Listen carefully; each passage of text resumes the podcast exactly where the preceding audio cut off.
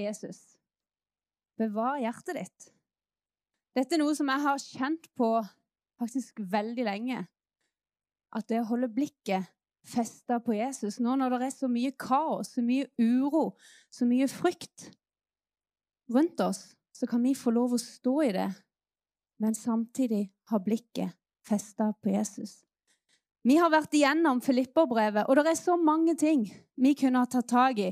Det er sikkert mange ting du har tenkt på. Hvorfor har de ikke tatt tak i det? Men det som virkelig har grepet mitt hjerte, det er at igjennom hele dette brevet så har Paulus fokus på Jesus. Han peker på Jesus. Han har hele tida blikket retta opp på han. Han fokuserer på takknemlighet og på glede og fred, der som han sitter innesperra, urettferdig behandla. Så har jeg tenkt, hvor lett hadde det ikke vært for Paulus å ha blikket på fengselsmurene, på lenkene som bandt han, på den urettferdige behandlinga som han hadde opplevd. Kanskje han kunne tenkt men hvis jeg bare ikke hadde gått hit, hvis jeg hadde tatt en annen vei, så hadde ikke dette skjedd. Men Gud, du du brøyt jo lenkene forrige gang. Du åpna porter, men hvorfor gjør du ikke det nå? Men det er ikke der Paulus har fokus. Han har blikket festa på Jesus. Han velger å tale ut hvem Jesus er. Han velger å tale ut glede og fred og kjærlighet midt i at han står oppi noe annet, hvor vi kan tenke oss at menneskelig sett så hadde vi vært alt annet enn takknemlige. Midt oppi dette så taler Paulus ut alt makte er i Han som styrker meg. Selv når Paulus ikke veit hva neste dag vil bringe. Og det er vel ikke så mange av oss som hadde tenkt 12. mars for et år siden at dette skulle vare så lenge. Men nå står vi på en måte her igjen, og så lurer vi på hvor lang tid tar dette? Jeg husker jeg sto her og talte i november, når de just hadde stengt ned i Lyngdal igjen, og jeg tenkte nå må det vel være siste gangen. Nå må det vel snart ta slutt. Men så står vi da her igjen, og da talte jeg om Gud fører deg igjennom. Men vet du noe? Han fører deg fortsatt igjennom. For han er fortsatt den samme som han var i november. Han er fortsatt den samme som han var 12. mars i fjor. Han er fortsatt den samme. Men alle disse tankene, alle medieoverskriftene, som så lett kan bringe frykt Frykt i oss, frykt rundt oss, frykt i familiene våre Midt oppi det så kan vi få lov til å tale ut Jesus. For mange av dere som sitter der hjemme, så går det kanskje nok en påske i møte. En sommer i møte hvor det er bekymringer, hvor dere er redde for hvordan går det økonomisk nå. Fordi dere er så avhengig av turister. Dere er så avhengig av at samfunnet fungerer som normalt. Og det preger oss alle på en eller annen måte. Og alle disse reglene og restriksjonene de kan bestemme så mye.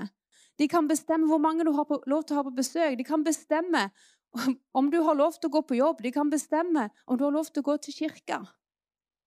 Men det er én ting verken myndighetene eller restriksjonene kan bestemme, og det er hvor du har ditt fokus. For selv om vi må følge disse reglene, så kan vi velge at inni oss så har vi fokuset på Jesus. Vi vet at han er større. Vi kan velge å spre kjærlighet og glede og håp midt i at det er kaos og frykt. Så hva fokuserer jeg på Fokusere på kaoset rundt meg? Eller fokusere på at jeg tjener en Gud som er så mye større? For det er han som har skapt det. Det er han som er begynnelsen. Det er han som døde for det. Det er han som virkelig bryr seg om det. Det er han som triumferte på korset. Det er han som har all makt i himmel og på jord. Det var han som åpna veien til Gud, som åpna veien inn til relasjonen med han. Han ønsker å velge å sette fokuset på og holde blikket festa på. Og så er ikke det alltid lett. Men jeg kan få lov allikevel å si at Gud er større enn alt det jeg står i. Han er større enn alt det du står i. og han er der sammen med deg.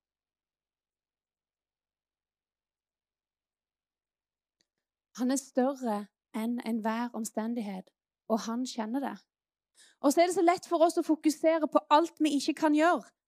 På alt det som vi gjorde før, på alt det som vi anser som normalt. Men vet du noe? Gud er ikke begrensa av våre omstendigheter. Det handler om at vi kan snakke sant om hvem han er, hva han har gjort, om hans storhet, om løftene, selv om omstendighetene er overveldende. Vi har fått Den hellige ånd på innsida. Jeg har en sånn bønn om at vi bare skal få en åpenbaring om hva det betyr for oss. At all den kraft som Gud reiste Jesus opp for det døde med, bor i oss. Vi har fått Han på innsida. Vi har fått Hans kjærlighet på innsida, Hans fred på innsida. Vi har alt det vi trenger for å stå stødig midt i at omstendighetene rustes, at grunnvollen rustes for hele samfunnet. Så kan vi få lov til å løfte blikket og spre trygghet, spre fred og spre håp. I Efeserne 3.16-20 så står det Må Han som er så rik på herlighet, gi deres indre menneske kraft og styrke ved sin ånd. Må Kristus ved troen bo i deres hjerter, og dere står rotfestet og grunnfestet i kjærlighet. Må dere sammen med alle de hellige bli i stand til å fatte bredden og lengden, høyden og dybden, ja, kjenne Kristi kjærlighet, som overgår alls kunnskap. Må dere bli fulgt av hele Guds fylde, Han som virker i oss med sin kraft, og kan gjøre uendelig mye mer enn det vi ber om og forstår. Og Her kunne jeg tatt tak i så mye, men jeg tror at Paulus virkelig tror at det er mulig at vi sammen kan forstå denne kjærligheten som Gud har utøst i våre hjerter. Men det som er så fantastisk her, det er at det står at men han er i stand til å gjøre langt mer, altså uendelig mye mer, enn det vi ber om og forstår. Midt oppi all denne elendigheten som har vært det siste året, så ser vi at mennesker møter Gud. Vi ser at menighet over hele verden finner nye måter å formidle evangeliet på. Kanskje vi egentlig når flere nå enn det vi nådde for et år siden. For Gud er ikke avhengig av at tingene er sånn som de var før. Han virker gjennom oss på nye måter. Gud møter mennesker som kanskje aldri hadde kommet til kirka, fordi det er lettere å klikke inn på Facebook eller på YouTube. Og kanskje du er en av de akkurat nå. Og vet du, Gud ser det. Han elsker det. og han ønsker å møte deg akkurat nå. Og du kan få lov til å ta imot han. Han som døde for deg. Han som tok på seg alt. Og han som åpna veien til himmelen for deg. Han som åpna veien inn til en relasjon med han. For han ser det. Gud er ikke begrensa til en kirkebygning, men han er allestedsnærværende. Så han møter deg nå, der du er, der hjemme. Gud er i stand til å gjøre langt mer enn det vi ber om og forstår. Kanskje vi kan flytte blikket litt. Kanskje jeg kan flytte blikket litt. Og se hva Gud er i stand til å gjøre. Gjennom meg, gjennom deg. For Gud begrenses ikke av det som skjer rundt oss, for han er større. Jeg tror at når det ser umulig ut for oss, så lager Gud nye veier. Når israelittene sto med havet, så tror jeg ikke de så for seg at Gud skulle lage en vei midt gjennom havet. De hadde blikket festa på de som kom imot dem. Men Moses han hadde blikket festa på Gud, og der åpner Gud veien midt igjennom havet. Og Noen ganger er det sånn at vi ser ikke noen ting. Vi kan ikke forstå hvor denne veien skal være. Men Gud vet, og han lager vei der for oss så ser det umulig ut. Men han er ikke begrensa av omstendighetene som står i veien.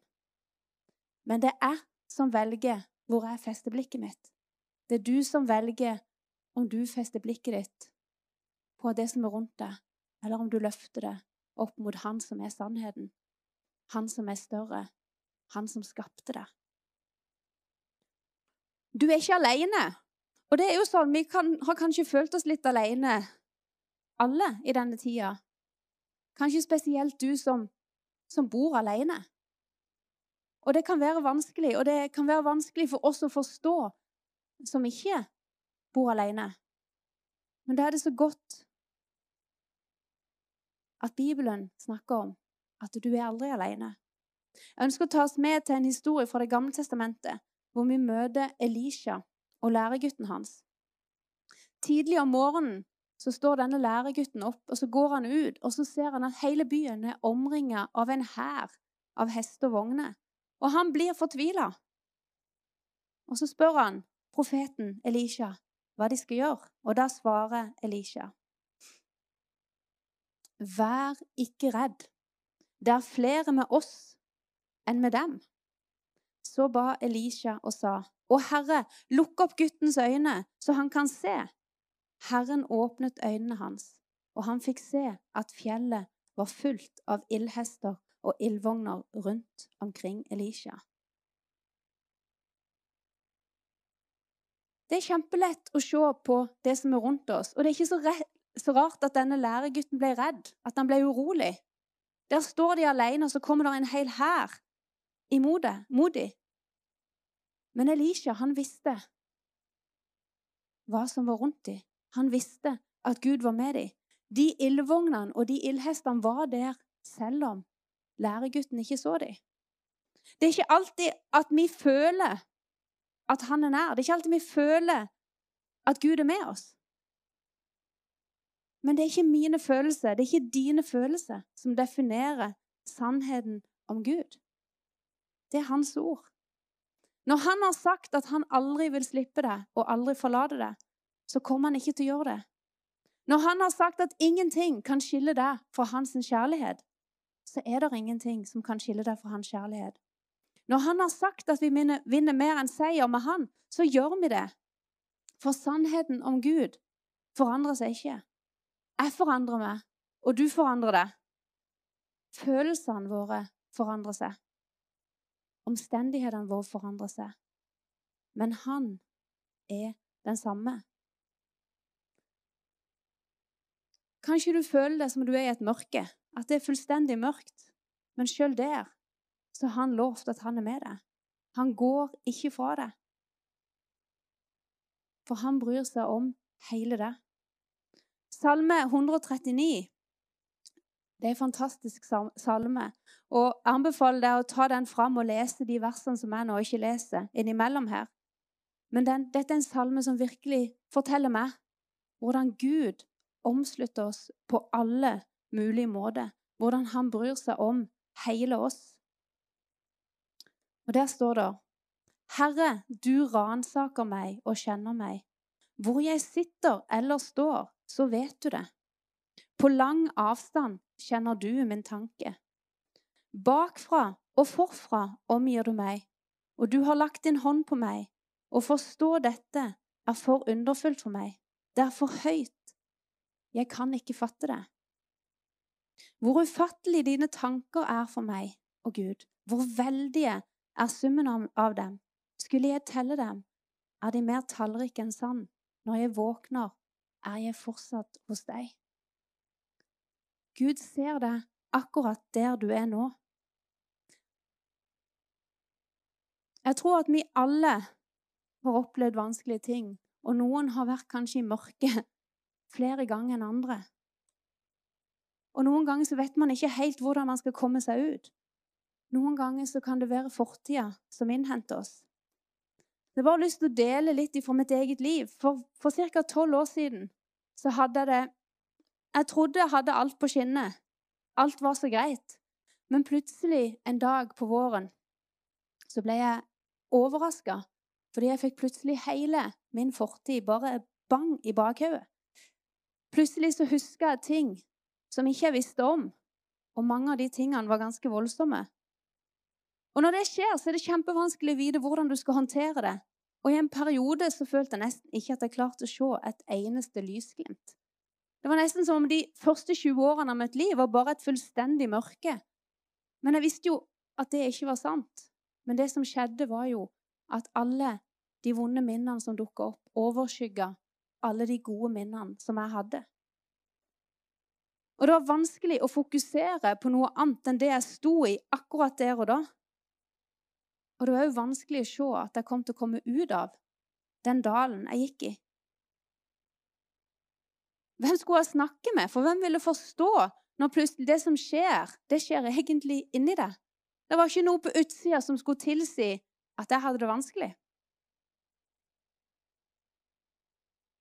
Men midt oppi dette så hadde jeg heldigvis fått et fundament som gjorde at jeg visste at jeg visste at Gud var den samme. Jeg visste at han aldri kom til å forlate meg. Jeg visste at uansett hvor mørkt det ble, så var han den samme. Jeg visste at han elska meg. Jeg visste at han var den som hadde skapt meg. Jeg visste at han hadde lagt ned ting i meg. Jeg visste at i han så ville jeg klare det, for det var der jeg fant min styrke.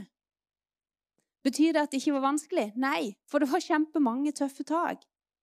Men de sannhetene ble så utrolig viktige for meg. For det var ikke minnene som definerte hvem jeg var. Det var ikke historien min som definerte hvem jeg var. Men det var hvem Gud sa at jeg var. Så da valgte jeg å løfte blikket på Gud, på Han som hadde skapt meg.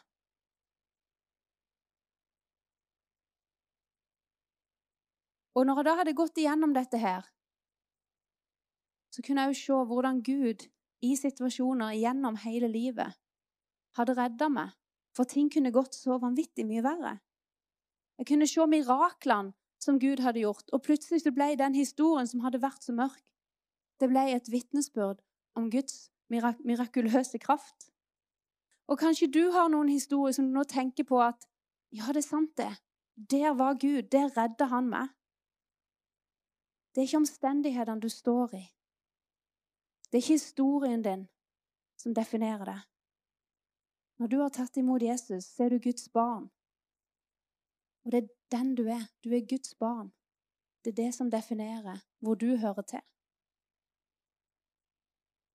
Så hvor fester du blikket ditt? Jeg husker en gang når jeg var 13 år, så hadde jeg just fått ny sykkel.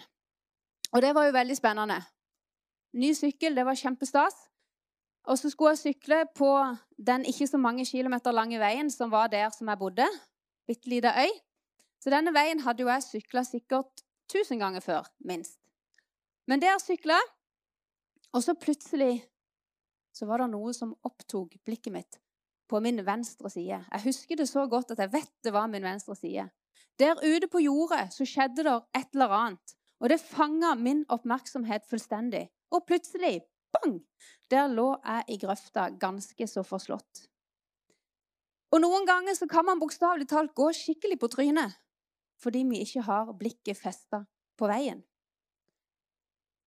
Og jeg tror at noen ganger kan det være litt sånn i livet òg. At vi plutselig faller. Vi plutselig detter fordi at blikket vårt har fått fokus et annet sted.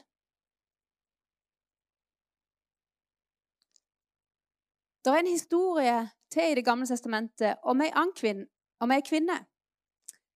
Denne kvinna opplevde at mannen var død, men han skyldte masse penger. Og De han skyldte penger, de ville ha pengene tilbake, så de var på vei for å hente henne og sønnene hos sine for at de skulle være slave og betale gjelda.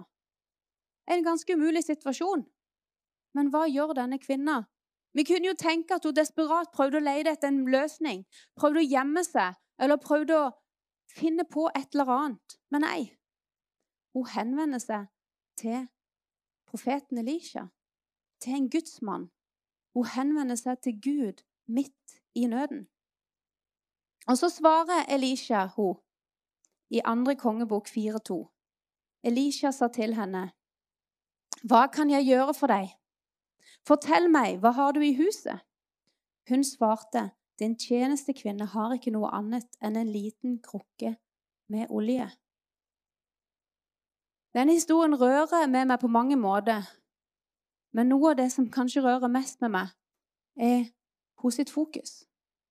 Hvor lett hadde det ikke vært for meg å fokusere på at huset var tomt, å fokusere på alt det jeg mangla, for å lage brød. På alt det jeg mangla for å kunne klare meg denne måneden. Og hun kunne ha svart nei, du, jeg har ingenting. For denne lille krukka med olje, den var ikke verdt så mye. Hun kunne ha fokusert på, frykten. Men du, de kommer og henter meg. Det er jo det jeg vil snakke med deg om. Men nei, hun har tankene rett mot den lille krukka med olje. Hun mangla, alt. Hun kunne ikke bruke den olja til så veldig mye. Hun hadde ikke mel så hun kunne bake. Men i Guds øye så var ikke denne krukka med olje lite. Og Resten av historien forteller hvordan hun fikk beskjed om å gå og låne så mange kar, store kar, som hun kunne få tak i. Lukke døra bak seg og begynne å helle av olja fra denne lille krukka. Og hun heller, og det renner og det renner helt til alle karene er fullt. Da stopper olja. Den lille tingen som hun kunne oversett, den lille tingen hun har, det bruker Gud til å gjøre et stort under. Sånn kan det òg være i livet. Det lille lysglimtet. Den lille positive tingen som vi kanskje så lett glemmer fordi alt blir overskygga av det som er vanskelig. Det lille. Der kan vi vende blikket. Så kan vi se på det. For Gud bruker det. I min historie så kunne jo jeg ha valgt å bare ikke få hjelp. Jeg kunne ha valgt å bare grave meg ned i alt det som var vanskelig. Men jeg valgte å finne de små tingene, for jeg visste at Gud var der. Jeg visste at han var den samme. Så valgte jeg å fokusere på det.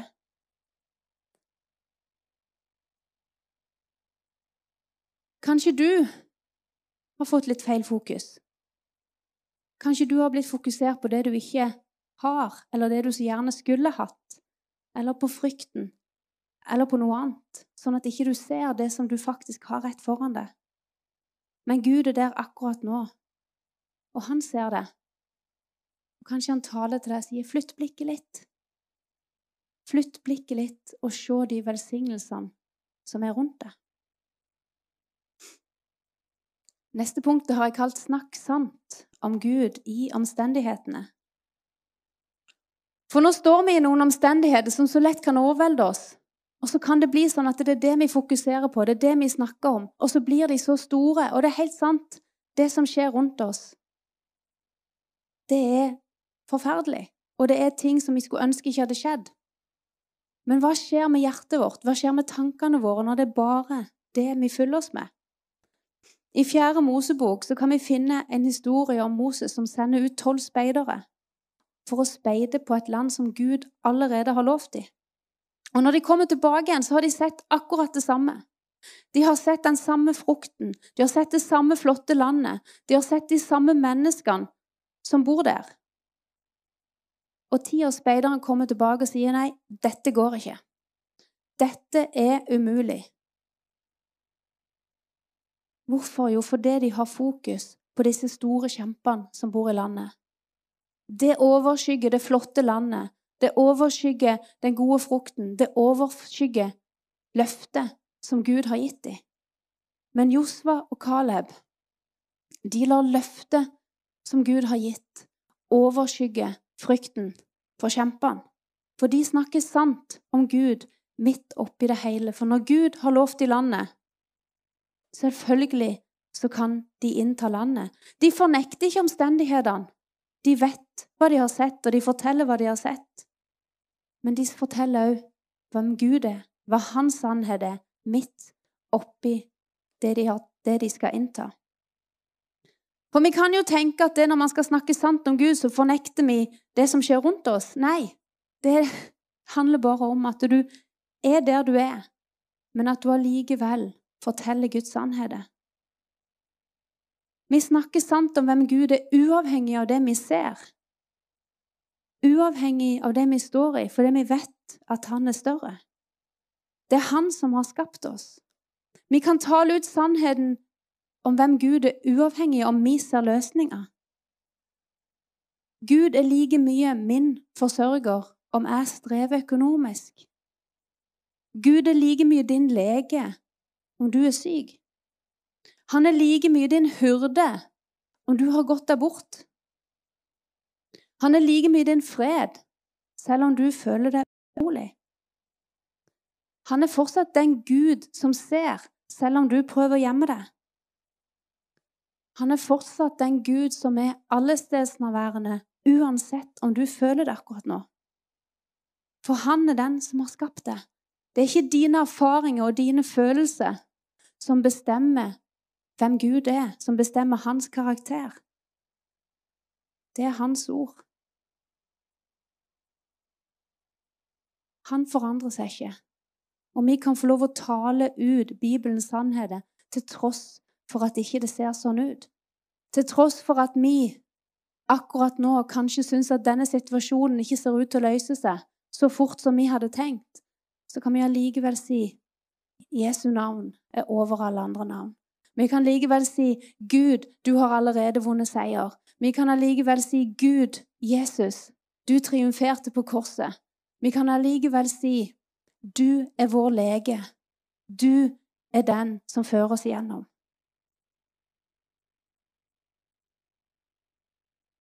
Og Det er der vi kan få lov å vende blikket. Det handler, om å snakke sant om hvem han er, og hvem vi er i han, til oss sjøl. Det det er ikke sikkert du skal gå rundt og snakke høyt ut på gata. Det er ikke det som er poenget, men poenget er hva du sier til deg sjøl. Poenget er hvor du har ditt fokus. Og vi trenger å fylle oss med hva Guds ord sier om oss. Vi trenger å fylle oss med hvem vi er i Han. Bevar ditt hjerte. Og Dette punktet har jeg tatt med, for det er så lett at hjertet vårt blir fullt av bekymring. Det er så lett at hjertet vårt blir fullt av uro midt oppi det vi står i. Ordspråkene 4.23 sier, 'Bevar ditt hjerte framfor alt du bevarer, for livet utgår fra det'. Jesus sier at det hjertet ditt er fullt av, det taler munnen. Så det er klart at når jeg fyller meg med uro og angst og frykt, så er det det jeg taler ut. Men hvis jeg bevarer mitt hjerte og fyller meg med Guds sannheter, så er det der jeg har mitt fokus. Paulus sier i Filipperne 4, 6-8.: Vær ikke bekymret for noe, men legg alt dere har på hjertet, framfor Gud. Be og kall på ham med takk, og Guds fred, som overgår all forstand, skal bevare deres hjerter og tanker i Kristus Jesus. Til slutt, søsken, alt som er sant, alt som er edelt, rett og rent, alt som er verd å elske og akte, alt som er til glede og alt som fortjener ros. Legg vind på det. Bekymringer, det stjeler gleden. Det stjeler vårt fokus, det stjeler vår energi, det stjeler vår kapasitet. Og de aller fleste bekymringer blir ikke noe av. Men vi trenger å bevare vårt hjerte. Jeg tror når Paulus skriver dette, så er det ikke fordi han tror at ikke det er noe å bekymre seg for. Men jeg tror det handler om at han vet hvor viktig det er at vi legger det på Gud, sånn at hans fred kan bevare våre tanker og våre hjerter. For hans fred overgår all forstand. Så uansett hvor stor den bekymringa er, uansett hvor forferdelig den omstendigheten er, så er hans fred større, for den overgår all forstand. Men så hva skal vi holde fokus på, da? Jo, vi skal holde fokus på det som er sant, det som er edelt, det som er rett, og det som er rent, det som er verd å elske og akte. Alt som er til glede, og alt som fortjener ros. Det Paulus sier her, at vi skal legge vind på, vi skal fokusere på det som er fra Gud. Vi skal fokusere på sannheten.